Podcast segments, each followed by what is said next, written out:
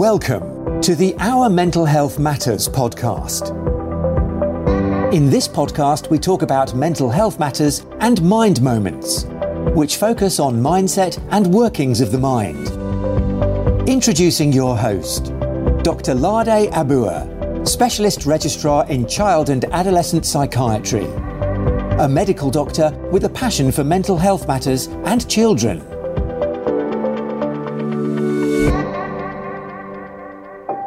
Hi everyone, it's Lada here. Welcome to our Mental Health Matters podcast. I will be talking briefly about seasonal affective disorder um, and go through a few things with you. Um, so, what is seasonal affective disorder? It is a mental health disorder that's similar to depression. Um, quite a number of people would feel differently during winter months or, you know, coming up to winter um, around autumn. Uh, they could feel they, you know, quite lethargic, tired, um, notice they sleep more. But generally, this is not seasonal affective disorder. We won't class this as seasonal affective disorder. Seasonal affective disorder is um, one that will be diagnosed based on a collection of symptoms and the impact it has on um, daily life, uh, daily functioning, your quality of life, um, how you're able, you know, to get on despite having um, what I'd mentioned earlier, like the low energy and, you know, need wanting more sleep generally uh, seasonal affective disorder is more common uh, in women of childbearing age just like uh, depression. Uh, it's generally regarded as um, being quite um, more common in women up to a ratio of three to one. And that's three three women to one um, well to three women to one man. And um, it's it's less common in men and children in about 100 people in the UK, we have three um, out of 100 people being affected. So, going on to the symptoms, it's usually quite similar to depression. Um, people who have seasonal affective disorder will find it hard getting up in the mornings, um, they'll be more irritable, they'll be less sociable. Um, they lose interest in a lot of activities which hold their attention normally. Um, they lose interest in sex, have reduced enjoyment, or um, re- re- you know, reduced interest in the normal activities or hobbies they usually do. Uh, they'll feel uh, low in the mood. They'll lack motivation to want to do things. Um, those they would have uh, increased sleep um, and also increased appetite. It, with the increased appetite, is usually um, more for you know high carbs foods, more for chocolates, and um, it, it, goes to the extent that some people actually gain uh, a lot of weight during um, the the episodes of seasonal affective disorder, and uh, generally the, the, the is unknown. Um, however, it's you know been linked to be related. It's been thought to be related to daylight, um, affecting people's mood, sleep, and appetite. We uh, generally ap- approach seasonal affective disorder with you know the biological, psychological, and social uh, approaches in trying to help people with, with it, um, we, we, we look through, um, you know, being uh, being of help with medications, um, you know, giving antidepressants. Like I said, it's similar to uh, depression, and generally it is um, based on individual need, based on individual history, based on um, other conditions are present, and um, you know taking taking consideration of that when deciding on what medications to use.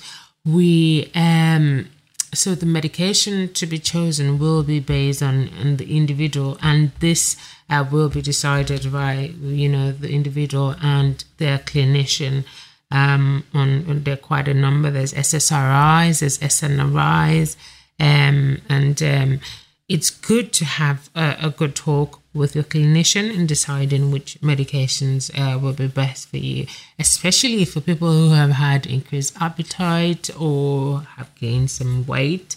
Um, so that would also, you know, be be put into consideration when uh, deciding on what medication to um, to use.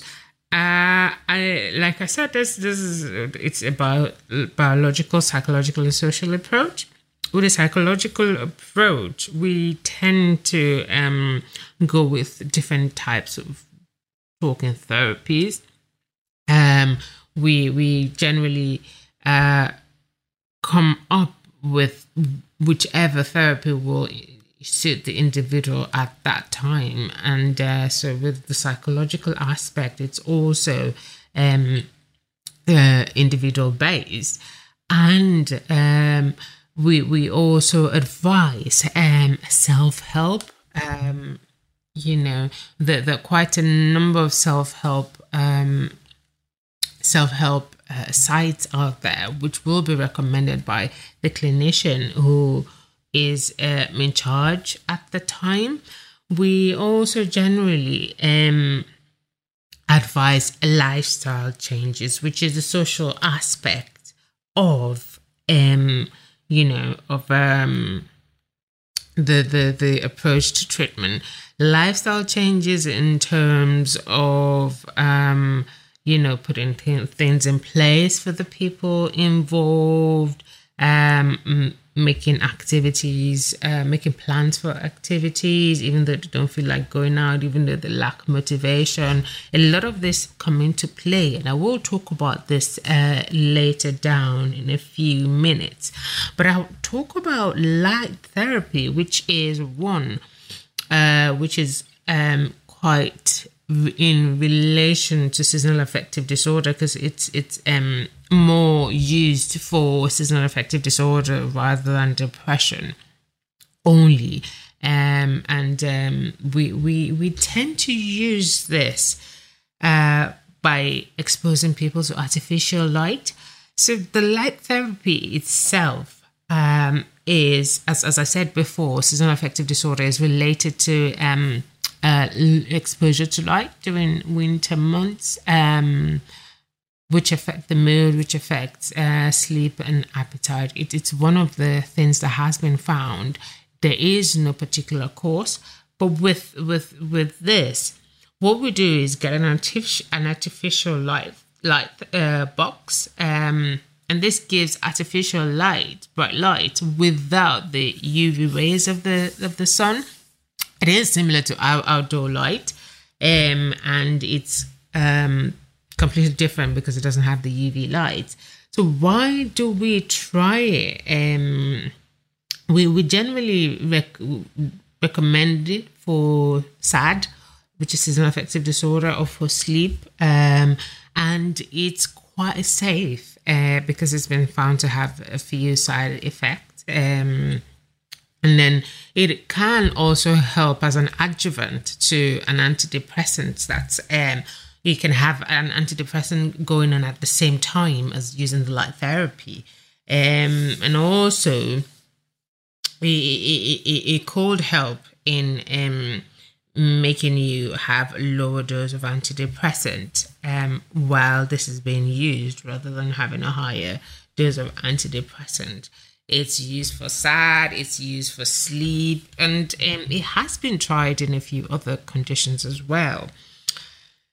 Generally, uh, the light therapy that we use in SAD is different from um, the one that's used in several other skin conditions because those those have um, the UV light rays I talked about earlier, and um, but this does not have that um, and how we do this is generally um, we advise people not to have direct eye contact with it. Just sit with it or work with the light box um, during certain times of the day, and um, you know, it's it's to help stimulate certain hormones, uh, and and you know that would make us feel better and you know also help our sleep as well.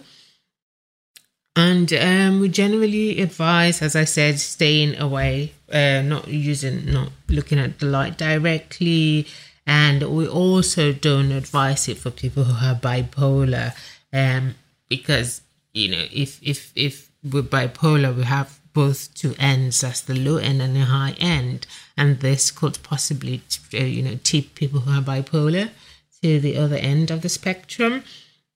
So with, with it uh, we advise uh, getting in the light therapy box speaking with your clinician on the particular times of day to use it and the particular duration to use it and um, generally, we only advise using it during those months. That's the, the, the month where seasonal affective disorder uh, comes to light. That's around the autumn and winter months. Because by spring, um, the outdoor lights, the, the, you know, the normal light, uh, it tends to get better as the day starts. So the light tends to get, you know, longer than it used to do in the winter months.